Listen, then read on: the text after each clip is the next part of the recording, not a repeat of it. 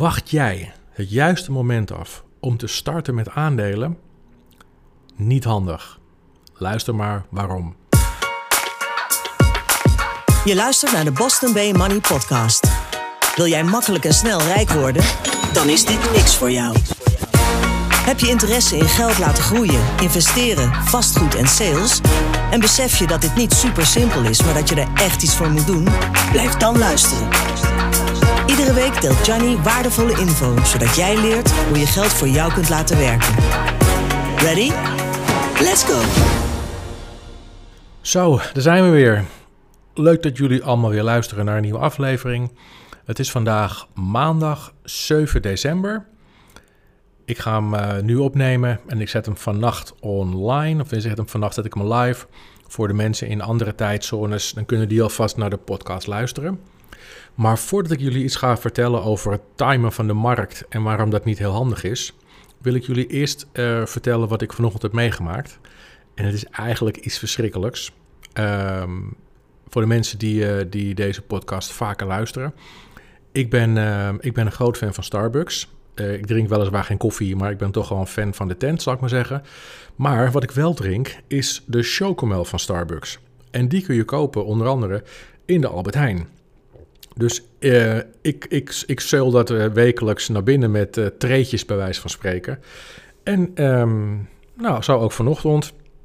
Ik loop helemaal in een goede bui. Niets vermoedend loop ik daar met mijn mondkapje en mijn karretje loop ik naar het gedeelte helemaal links achter in de winkel, in het, in het, zeg maar het koelgedeelte. Ik had er helemaal zin in. Ik denk, ik ga mijn koelkast vullen. En ik zwaai die glazen deur open. Ik pak zo'n zo pakje. Ik draai hem eens om en ik, ik, ik ben in één keer helemaal verstijfd van, van de schrik. Wat hebben ze namelijk gedaan? Ze hebben de rietjes veranderd.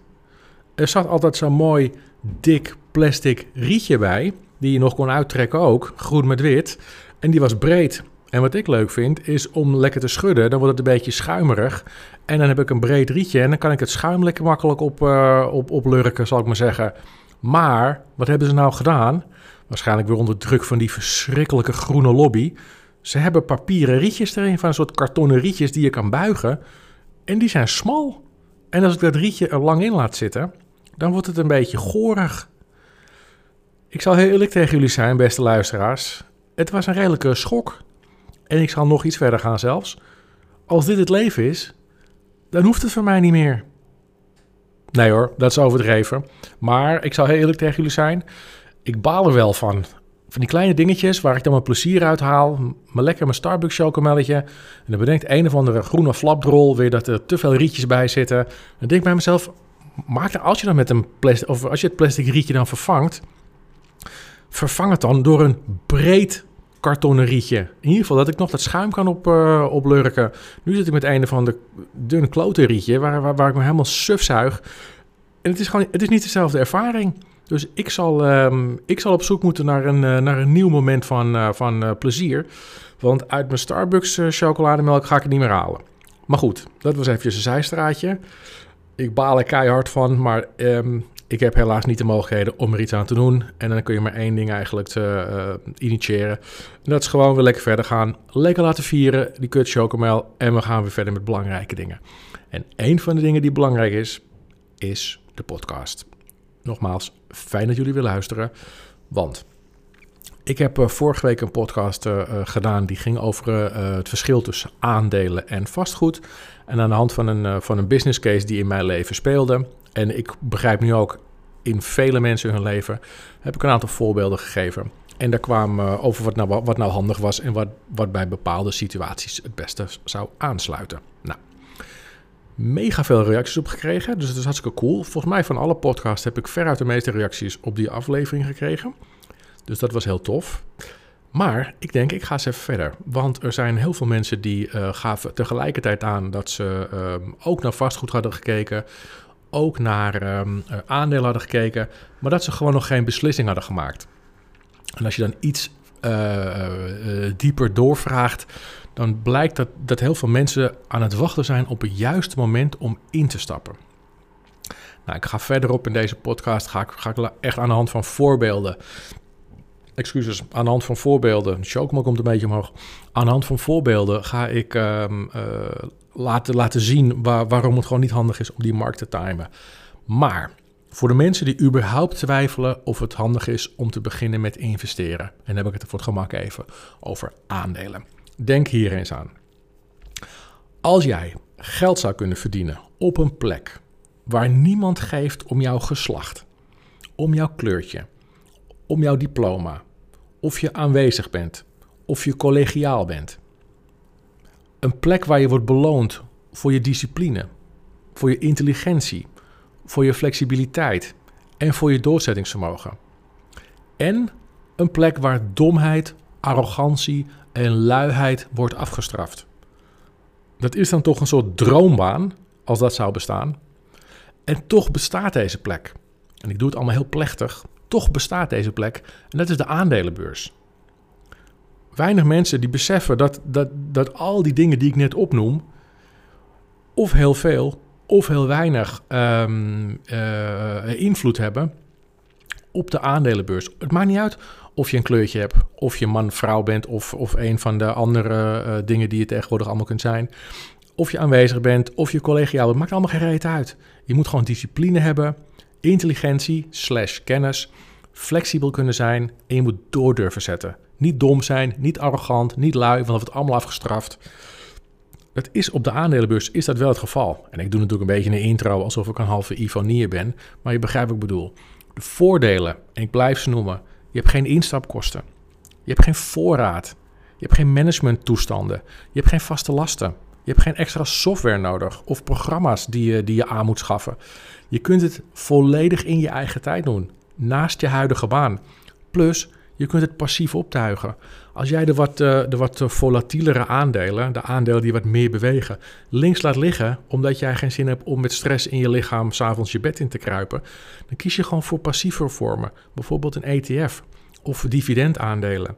En zo zorg je ook nog voor een passieve inkomstenstroom, met name bij die dividendaandelen.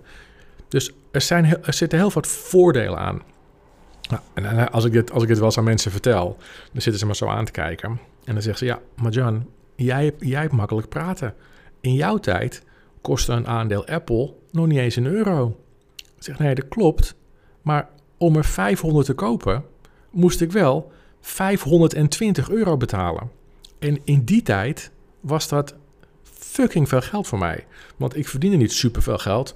Plus, ik moest ook nog eens 20 euro transactiekosten betalen. Want uh, platformen als de Giro en zo, die waren toen niet. Het ging allemaal via de banken. Bijna allemaal via de banken. Die dachten natuurlijk ook dat we allemaal knettergek waren. En uh, die deden net alsof het heel moeilijk was om Amerikaanse aandelen te kopen. Dus ik moest gewoon 20 euro administratie- en uh, transactiekosten betalen. Op 500, op 500 euro investeren. Nou, in die tijd voor mij was 500 euro gewoon echt heel veel geld. Ik verdiende, niet, gewoon, ik verdiende gewoon niet veel, klaar. Ik had wel een beetje spaargeld. Um, dus uiteindelijk heb ik, heb ik toch wel zoiets gehad van, nou, ik ga die aandelen kopen. En het verhaal achter waarom ik dat ooit heb gedaan, zal ik nog wel een keertje vertellen. Want dat is eigenlijk te simpel voor woorden. Maar het is misschien wel een keer een geestig verhaal in een, in een andere podcast. Want ik heb eigenlijk hetzelfde gedaan met Visa-aandelen, met McDonald's-aandelen. En later, in een wat later stadium, ook nog een keer met de aandelen van Google. En de manier waarop mijn inventarisatie was, was zo eenvoudig. Dat ga ik nog een keertje aan een podcast aan, um, aanwijden. Maar eigenlijk, in alle eerlijkheid, lieve luisteraars, moet je niet naar mij kijken. Je moet jezelf afvragen welke aandelen nu goed te betalen zijn voor jou, dus die in jouw budget passen, en die wellicht dezelfde groei gaan doormaken als mijn oude Macintosh slash Apple aandeeltjes uit 2004 geloof me, de nieuwe Apple, Visa, McDonald's, Shell aandelen, noem ze al eigenlijk allemaal op, die zijn er nu al. Die zijn nu gewoon te koop op de beurs. Ook in deze tijd zijn er gewoon aandelen die over 20, 30 jaar maal 100 zullen gaan. Dat is altijd zo geweest en dat zal ook altijd zo blijven.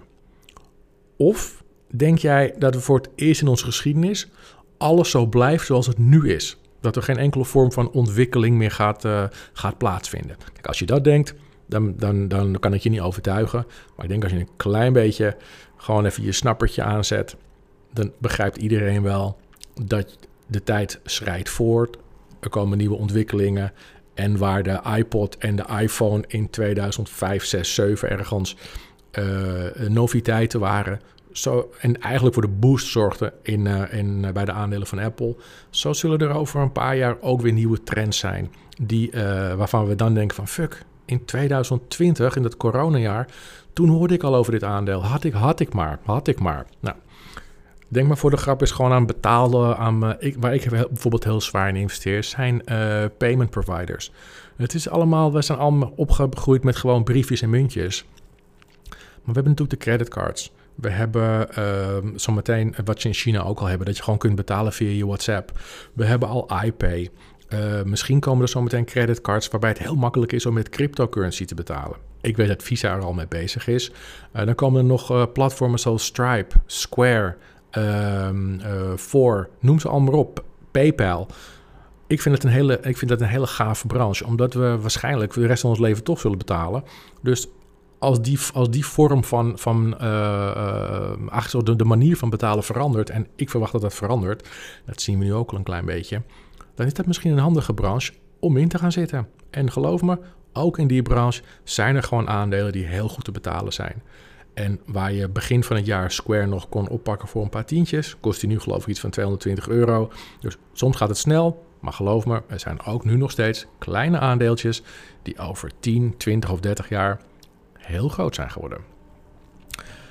Oké, maar goed, iedereen heeft dus zijn, uh, zijn eigen reden om, uh, om niet te starten met aandelen. En nogmaals, het is prima als jij, uh, als jij zoiets hebt van, nou John, ik weet het niet met die aandelen, ik weet het niet met het vastgoed, ik weet het niet met die side hustles waar je het wel eens over hebt. Dan geef dat niet. Ik vind het sowieso tof dat je naar de podcast luistert. En misschien dat er ooit een moment komt dat je denkt van, nou, die jongen waar ik nu al 80 podcasts van luister, luister, die heeft misschien wel ergens een punt. Dat kan. En dat kan ook zomaar zijn dat je denkt, nou, het is gewoon niet mijn ding, maar ik vind het wel geestig om naar zijn podcast te luisteren. En dan is het ook prima. Maar wat geen reden mag zijn om niet te starten met aandelen, is dat jij denkt dat je de markt kunt timen. Dat jij zeg maar wacht op het juiste moment om in te stappen. En dan heb ik het niet over één of twee losse aandelen, want die kun je nog wel timen. Maar de markt timen is echt niet te doen. En de Amerikanen zeggen het heel mooi. Die zeggen heel vaak: time in the market beats timing the market. Dus met andere woorden, de tijd dat je in de markt zit, zorgt altijd voor meer rendement dan wanneer je probeert de markt te timen. En dat is ook echt zo. Het gaat om het instappen en lang blijven zitten. Zo maak je veel rendement. De time in the market. En daarom is het ook zo belangrijk dat je start met geld dat je voor langere tijd kunt missen. Want als je het doet met je, bij wijze van spreken, je laatste zure centen, dan zal er altijd een vorm van stress op de, op de tent staan. En dan ben je altijd geneigd om bij een, bij een heuveltje of bij een, een dip het spul er weer af te halen. En dan creëer je dus geen time in de market. Ik zal het uitleggen met, met, met wat voorbeelden. Jullie weten, ik ben van de voorbeelden. Ik vind het leuk om dat een beetje allemaal op te zoeken voordat ik die podcast ga opnemen. En de ene keer zijn het cijfers van de Wereldgezondheidsorganisatie. En de andere keer is het weer iets wat ik heb gevonden ergens in het nieuws. Maar dit keer heb ik dus iets dieper gegraven, want ik wilde gewoon even een, een beeld schetsen. Oké, ik neem nog eventjes een slokje van mijn chocomel zonder rietje. Ik zeg er nog maar even bij, ik drink dit zonder rietje.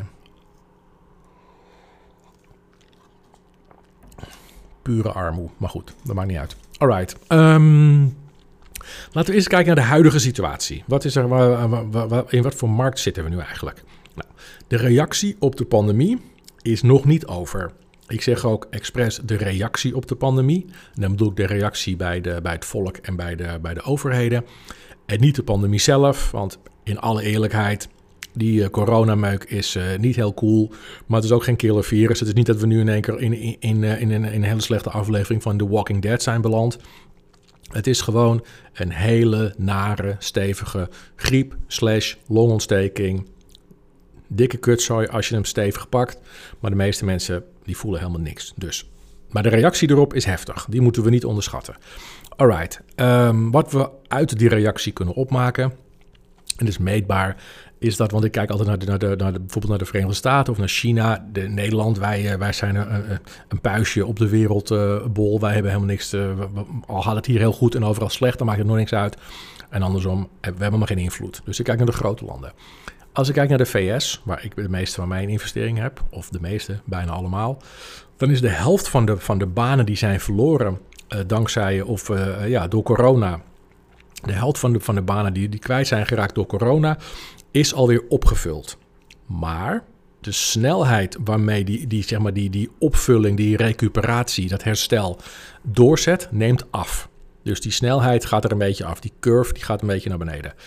Um, dus we zullen even moeten afwachten hoe dat, uh, hoe dat uh, verder gaat.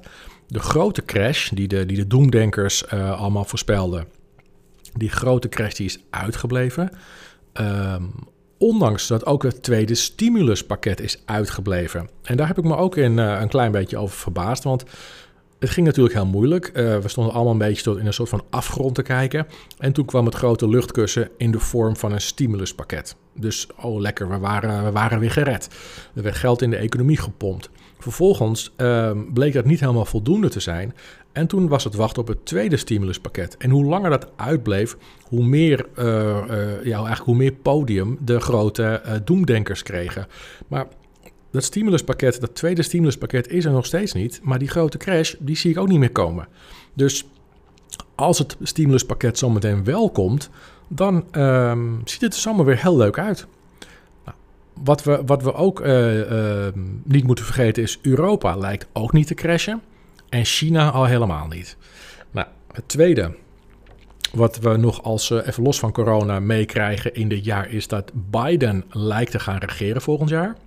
Maar wellicht komt er nog een konijn uit het hoedje van, van die oranje rakker.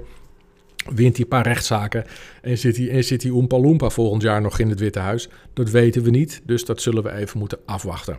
Maar heeft dat echt invloed op de lange termijn? Dat is een vraag die ik uh, verwacht. En ik denk, ik wil hiervoor zijn, dus ik ga dat even uitzoeken. Nou, geloof mij, het heeft helemaal geen invloed. Of hij nou wint of Biden wint, het maakt eigenlijk helemaal geen reet uit. Luister maar. We hebben weer uitgezocht. Vanaf 1990 tot nu zitten we, hebben we een, een, zeg maar een span van 30 jaar. En het leuke van deze 30 jaar, met name voor het voorbeeld, is dat het, een 30, dat het 30 jaar zijn geweest met golven. Heftige golven. Het was rumoerig in de 30 jaar. Dus ik ben eens gaan kijken. Nou, hoe zagen die 30 jaar er nou uit vanaf 1990? Om te beginnen moesten we in 1990 opkrabbelen uit de chaos van de jaren 80 voor de mensen die dat niet hebben meegemaakt, de jaren 80 was echt een, eigenlijk gewoon een kuttijd. Het was een chaos, uh, veel, veel gerel. En uh, veel mensen verloren hun werk. Het was gewoon heel veel onduidelijk en er was heel veel ontevredenheid. Het was een zure tijd. Ik zou zeggen, kijk voor de grap maar eens in het fotoalbum, als je ouders dat nog hebben, van hoe ze er toen uitzagen bar weinig vrolijke gezichten in de jaren 80. Je ziet ook de meest rare kapsels. Uh, je ziet de rare kleding. Uh, hele nasty, die hele nasty porno-snorretjes. Heel ingewikkeld allemaal. En ook van die vlassige snorretjes. Ongewassen, vieze mensen. Zo zien, zo zien de mensen uit de jaren 80 er vaak een beetje uit. Ongelukkig. Kijk voor de grap maar een keer in zo'n fotoalbum als je, als je jong bent en je weet niet wat je ziet. Je wil zo snel mogelijk dat boek weer dichtslaan. Maar goed, de jaren 80 was dus een beetje nasty. En dan moest uiteindelijk moesten, mensen, moesten we daaruit opkrabbelen. Ik zeg we, want ik heb het meegemaakt. Ik was nog jong, maar ik heb het wel meegemaakt. Vervolgens lukte dat aardig. En toen viel uh, Saddam, onze vriend in Irak, die dacht, nou weet je wat ik ga doen? Ik ga eens een landje naast mij uh, invallen. Kuwait stelt gereed voor en ik ga het eens even claimen. Nou, op zich niet zo gek veel aan de hand. Alleen Amerika vond het weer een minder goed idee. Uiteraard, die zag een reden om zich er weer mee te gaan bemoeien. En we waren net een beetje aan het opkrabbelen uit de jaren 80. En toen kwam de Golfoorlog. Niet cool, helemaal niet cool zelfs. Helemaal niet als je daar in, de, in die regio woonde. Maar goed, het was een oorlog die voor ons iets verder was. Maar wel de eerste oorlog die we zeg maar live mee konden maken op tv. Dus het had wel impact, ook op je gemoedstoestand. Nou, die golfoorlog, dat was, uh, op een gegeven moment was dat uh, vrij snel uh, weer voorbij. En boom, de dotcom crash. En die was wel heftig, want in die tussentijd kwamen de internetbedrijfjes op. Eigenlijk kwam het internet op. En mensen wisten niet zo goed wat ze daarvoor moesten denken. Dus hetgeen ze wel eigenlijk allemaal dachten is... dit wordt, dit wordt de knaller van de, van de eeuw. Dit is iets nieuws, dat internet dat gaat, dat gaat heel groot worden. En dat zagen ze goed. Wat ze alleen niet zo handig deden... is dat ze massaal investeerden in bedrijven... die zich bezighielden met het internet. En uiteindelijk konden die bedrijven dat, uh, eigenlijk gewoon die, die, die verwachtingen niet waarmaken. Nou, het hele spul stortte in elkaar en dat was een hele heftige crisis. Dat was de dot-com crash. Zo rond het jaar 2000 gebeurde het allemaal. Nou, dat had impact. Uh, veel meer, heel veel mensen verloren hun geld en verloren ook echt heftig geld. Want dat was ook de tijd dat het investeren in aandelen wat makkelijker begon te worden. Dus enerzijds had je de droom van, van de dotcom bedrijven en sky is the limit. En aan de andere kant had je de, de drempel bij beleggen die lager werd gelegd, waardoor veel meer mensen eraan konden beginnen. Dus dat was echt een, een soort accelerator. Nou, toen dat plofte was het echt, echt game over voor heel veel mensen. Het was een hele, hele, hele zure tijd. Maar goed, daar krabbel je op een gegeven moment krabbel je daar weer uit. En dan vliegen er in één keer een paar rakkers in torens. En dan zit je in één keer met 9-11 in je mik. Nou, je kunt je voorstellen dat werd ook heel rommelig. Het werd heel onoverzichtelijk. En er gebeurde allerlei. Uh, het was een beetje hunnie tegen ons. En nou, de meeste mensen hebben dit meegemaakt. Was niet tof. Veel dingen veranderden. Veel angst. En uh, nooit goed voor de beurzen. Dus je zag het alweer gebeuren. Pap, daar gingen ze. Maar goed, daar herstel je uiteindelijk ook weer. Langzaam maar zeker krabbel je weer uit dat, uh, uit dat dal. En we kregen weer een beetje lucht. En de meeste mensen die, uh, die kregen weer een beetje rust tussen de oortjes, zal ik maar zeggen. En happatee, daar was de bankencrisis. En die was ook pittig, want de bankencrisis die trok niet alleen de banken mee naar beneden, nee, die trok ook nog even alle hypotheken mee naar beneden. En als je een hypotheek hebt die naar beneden wordt getrokken omdat jouw bank loopt te kloten, dan heb je een situatie waarbij je, uh, de kans vrij groot is dat de huizenprijzen in elkaar storten. Mensen kwamen onder water te staan, verloren hun banen. Nou, dat was een sneeuwbal die ging rollen. Hele heftige sneeuwbal. En um, het was gewoon over, overal wereldwijd niet goed voor de economie. Het was echt een serieuze crisis. Maar goed, daar kom je uiteindelijk zo rond 2012, 2013 kom je daar een beetje uit. En je bent er niet helemaal op adem. En je ziet in één keer overal terroristische aanslagen. Ja, dat was natuurlijk, dat, dat, hebben we allemaal meegemaakt, de mensen die naar deze podcast luisteren. De terroristische aanslag, ik vond die persoonlijk helemaal niet relaxed. Ik vond het echt a-relaxed. Ik vond die bankencrisis nog lekkerder dan die terroristische aanslagen. Het idee dat je toch uh, doodsbang werd gemaakt door de media met name. Maar je zat toch elkaar een beetje aan te kijken. Het werd steeds erger. Uh, rugtassies werden bekeken. Mensen met, met een baard die waren in één keer uh, verdacht. Uh, ja, het was allemaal niet cool. Helemaal niet cool. En op een gegeven moment leek dat een beetje weg te ebben. Of appen, of ebben, hoe je dat ook zegt. En hoppatee, daar was hij. Onze Chinese vriend. Die uh, lekker een van de goorsoepje naar binnen harkt. En we waren het bokje met corona. Nou, dit is dus in een notendopje de situatie in 30 jaar tijd. Dus we beginnen op te krabbelen vanuit de crisis uit de jaren 80. Golfoorlog, dotcom crash, 9-11, bankencrisis, terroristische aanslagen en het toetje de coronacrisis.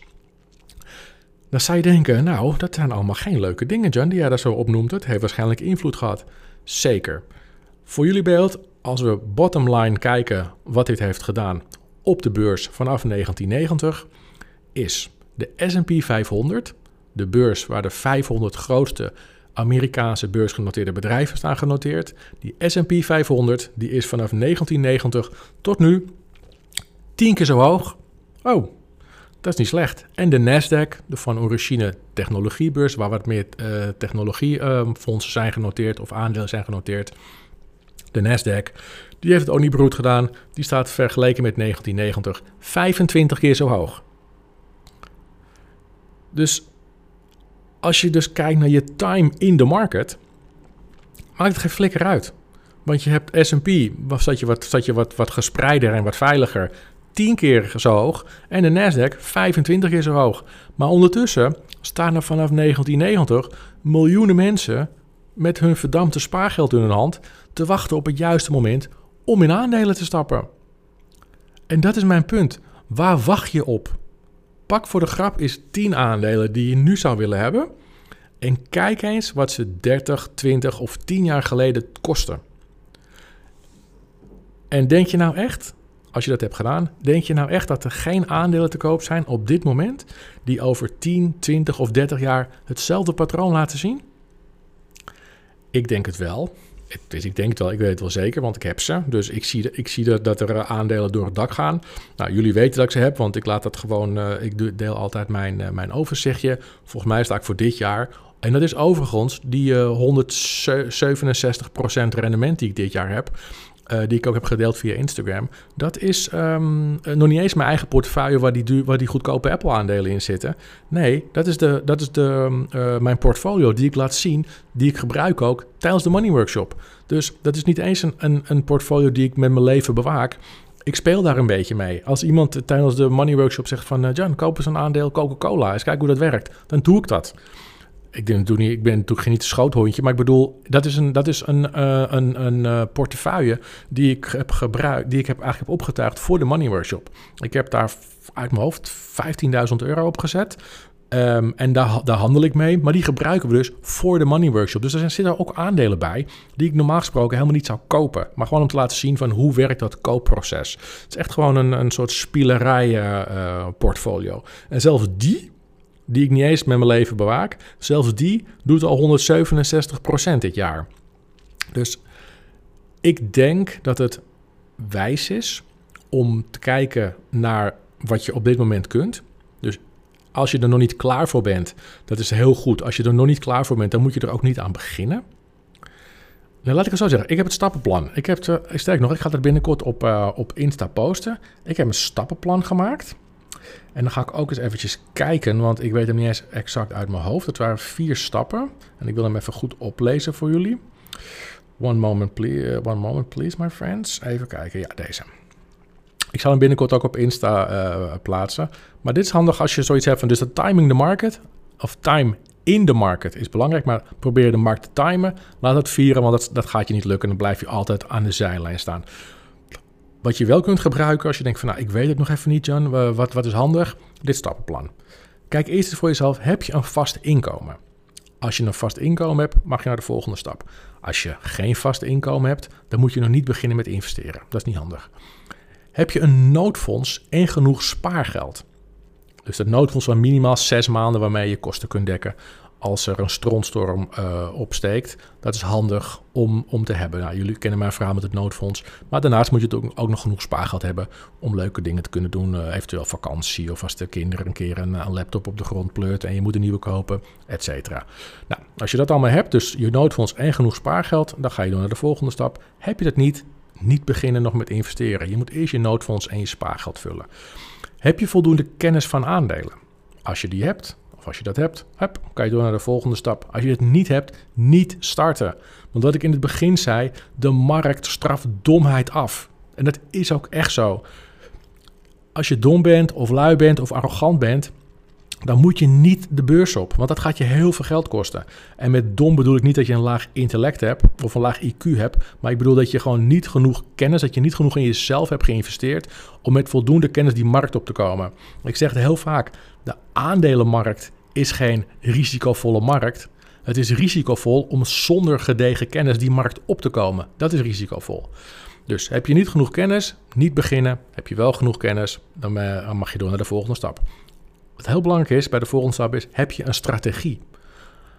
Als je een strategie hebt en je bent ook sterk genoeg om je daaraan te houden, natuurlijk moet je af en toe een beetje fine-tunen, maar in grote lijnen, als je een strategie hebt, dan kun je aan de gang. Als je geen strategie hebt, dan moet je nog niet aan de gang. Want dan ga je zwalken. Dan, ga je, dan krijg je het FOMO, fear of missing out. Dan vind je alles mooi. En als er, als je dan, als er een paar dan, dan, dan dalen, dan, oh, dan weet je niet hoe snel je er af moet. Pure paniek moet je niet doen. Nou, dus eigenlijk heb je een vast inkomen, heb je een noodfonds en genoeg spaargeld, heb je voldoende kennis van aandelen en heb je een strategie. Als dat allemaal ja, ja, ja en ja is, dan zou ik zeggen, kies de beste broker. Uh, in mijn geval is dat de Giro en have fun. Doe je ding en zorg ervoor dat je met, het geld dat je kunt missen, time in the market gaat optuigen. En je zult echt zien op het moment dat je dat voor elkaar bokst, dan hoef je helemaal geen wiskeer te zijn. Op het moment dat je maar lang genoeg in de markt blijft zitten, ga je rendement maken. En ik ga niet zeggen dat je miljonair gaat worden, maar je gaat in ieder geval meer rendement maken dan dat je kwijt bent aan inflatie, dat je misloopt aan rente dat je misloopt aan pensioengeld wat je niet gaat krijgen. Dat je misloopt aan salarisverhogingen. Je gaat een, een, een, een kussen bouwen wat gewoon lekker zacht aanvoelt. En waar gewoon lekker veel geld wordt gecreëerd voor jou, voor je partner en eventueel voor je kinderen. En om het nog positiever af te sluiten dit jaar. Ik heb eens gekeken naar de nieuwsbrief van Robeco en wat andere fondsbeheerders die ik volg. En hun outlook, dus hun toekomstbeeld voor 2021, is zeer positief. Ze verwachten allemaal op de beurs een verwacht rendement tussen de 16 en de 21 procent over het jaar 2021. Dus ik denk dat dit positief is. Nogmaals, niet aan de kant blijven staan met je spaargeld op het moment dat je op die vorige vragen allemaal ja kunnen, uh, hebt kunnen antwoorden. Dan is het gewoon tijd om op een gegeven moment te gaan beginnen. Alright. Wil je me volgen op um, Instagram? Dan kun je mij uh, vinden op de naam Boston Bay underscore money management. Ik heb ook LinkedIn. Uh, daar ben ik te vinden onder mijn gewone mijn eigen naam, Johnny Amato. Voor de mensen die Johnny niet weten hoe dat schrijft, dus G-I-A-N-N van Nico en dan de I. Verder heb ik nog een e-mailadres, info at bostonbay.nl.